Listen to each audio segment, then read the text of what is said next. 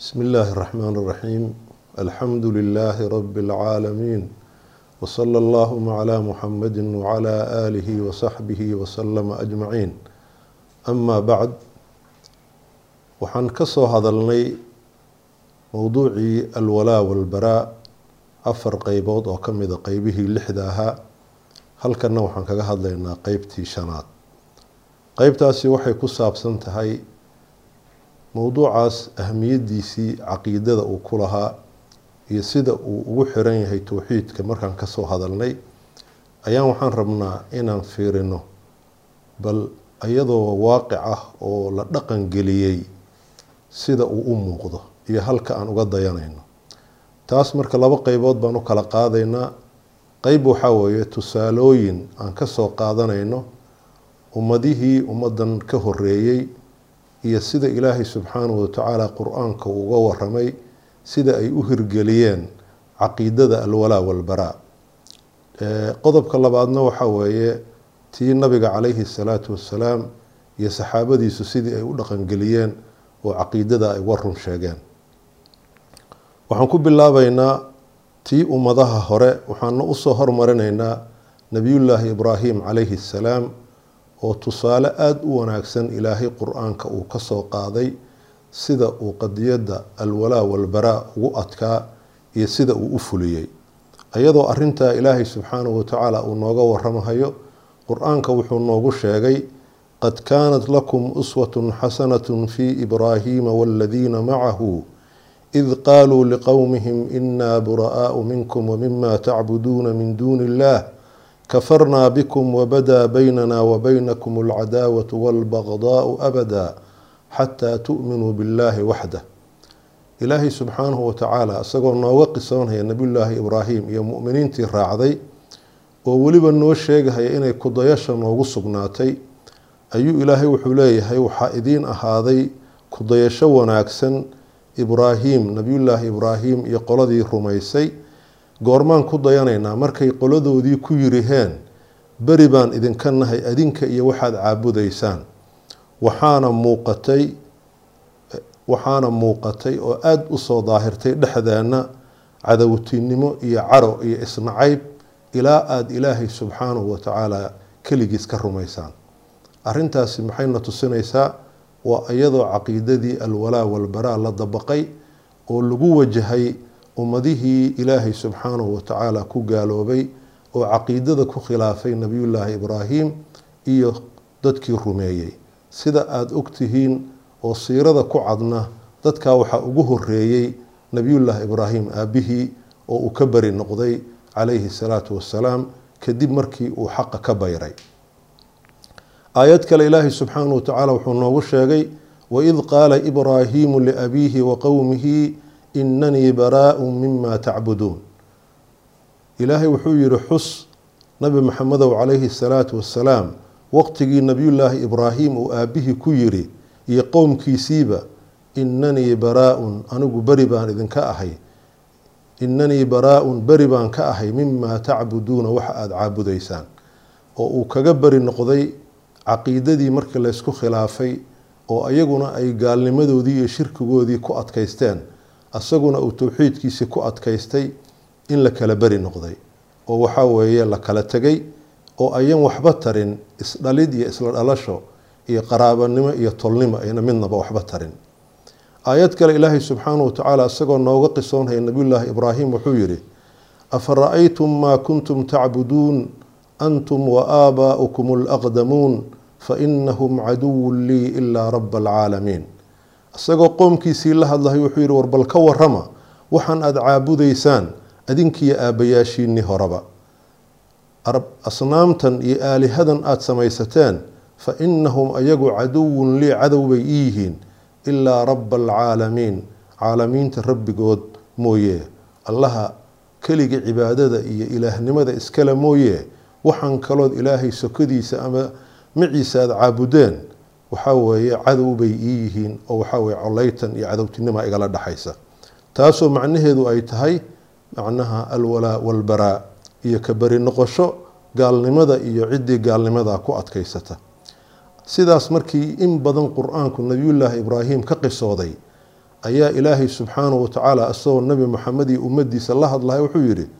huma awxaynaa ilayka an ittabic millata ibraahiima xaniifa wamaa kaana min almushrikiin nabigaa waxaa la leeyahay waxaan kuu waxyoonay. Raac diintii nebiyullaahi ibraahim. Nebiyullaahi ibraahimna wuxuu ahaa xaniifan. Mid iishay oo shirkiga ka soo iishay oo ilaahay subxaanahu watacaala towxiidkiisa u iishay. wamaa kaana min almushrikiin mushrikiintana ka mid maahayn. Taasoo macnaheedu uu tahay sida nebiyullaahi ibraahim iyo qoladiisiiba ay qowmkoodii uga bari noqdeen markii caqiidada lagu kala tegay ayaa nabiga calayhi salaatu wasalaam iyo ciddii rumaysay waxaa la amrayaa inay ku daydaan nebiyullaahi ibraahim oo ay sidii uu yeelay ay yeelaan ayaguna.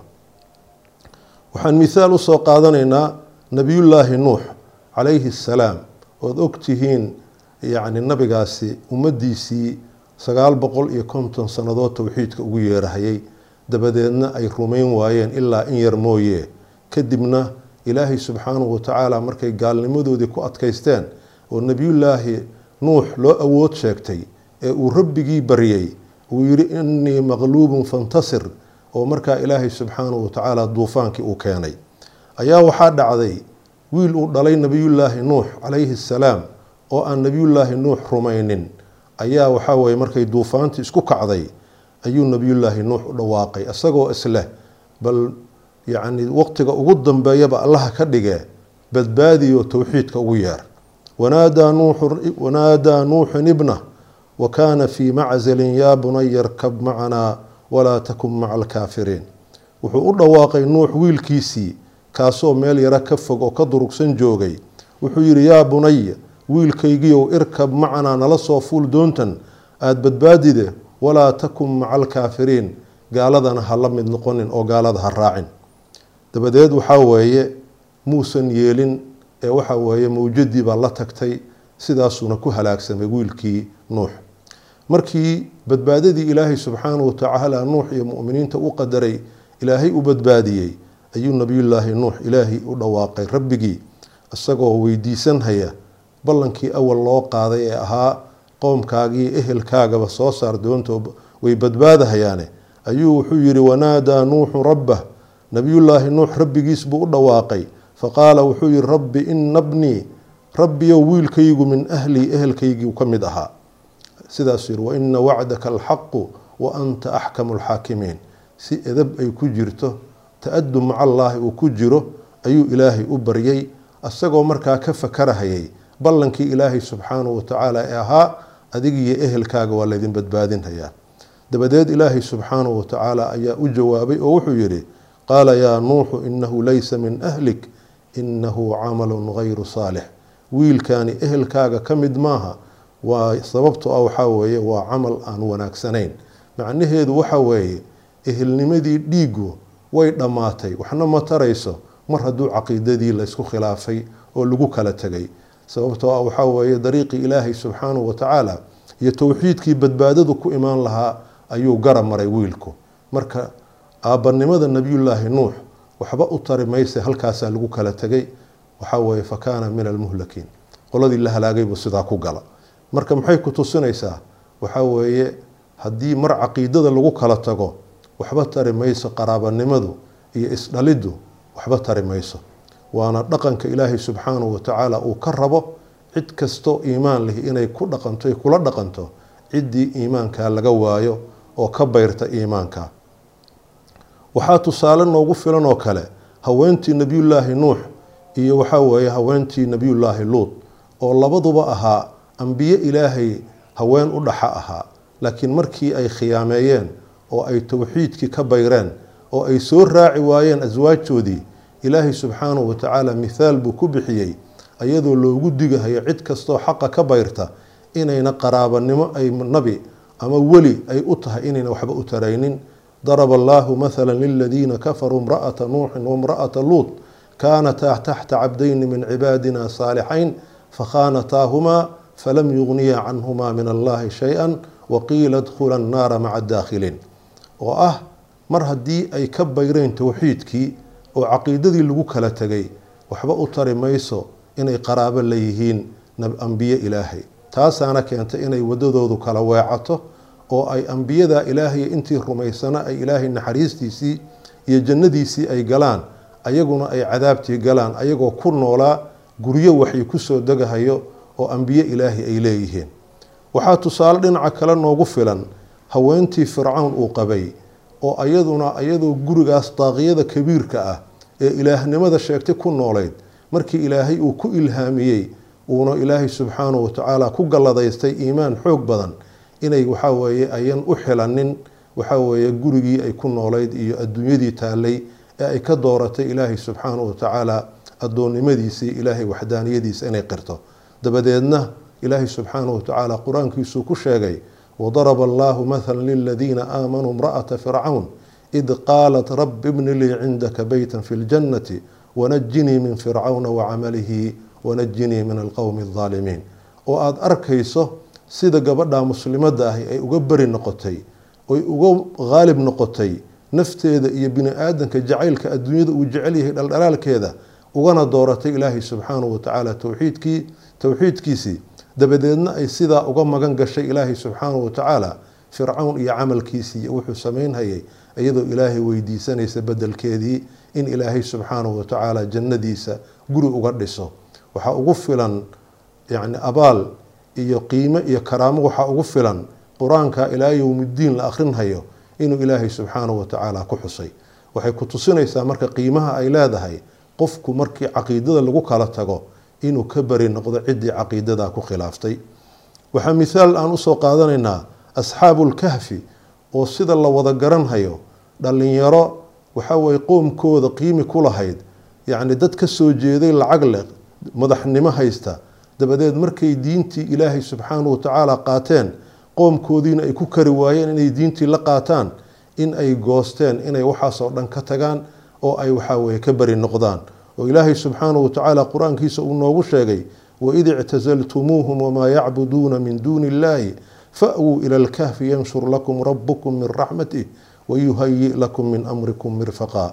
oo ah ilaahay uu leeyahay markaad ka fogaataan qowmkiina iyo waxay caabudayaan alla sokadii waxaa la yidhi gala oo aada yacni godka halkaasaa ilaahay subxaanahu watacaala uu idinkugu fidinhayaa naxariistiisa iyo raxmadiisa arrintiinana uu ka dhigahayaa arrin sahlan oo waxaa waaye aada u wanaagsan. Taasoo daliil u ah mar haddii caqiidada lagu kala tagay qaraabanimo iyo tolnimo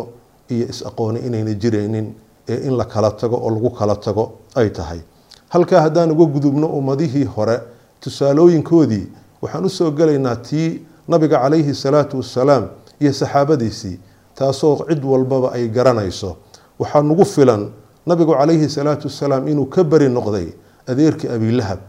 oo la wada garanhayo markuu nabigu calayhi salaatu wassalaam u dhashay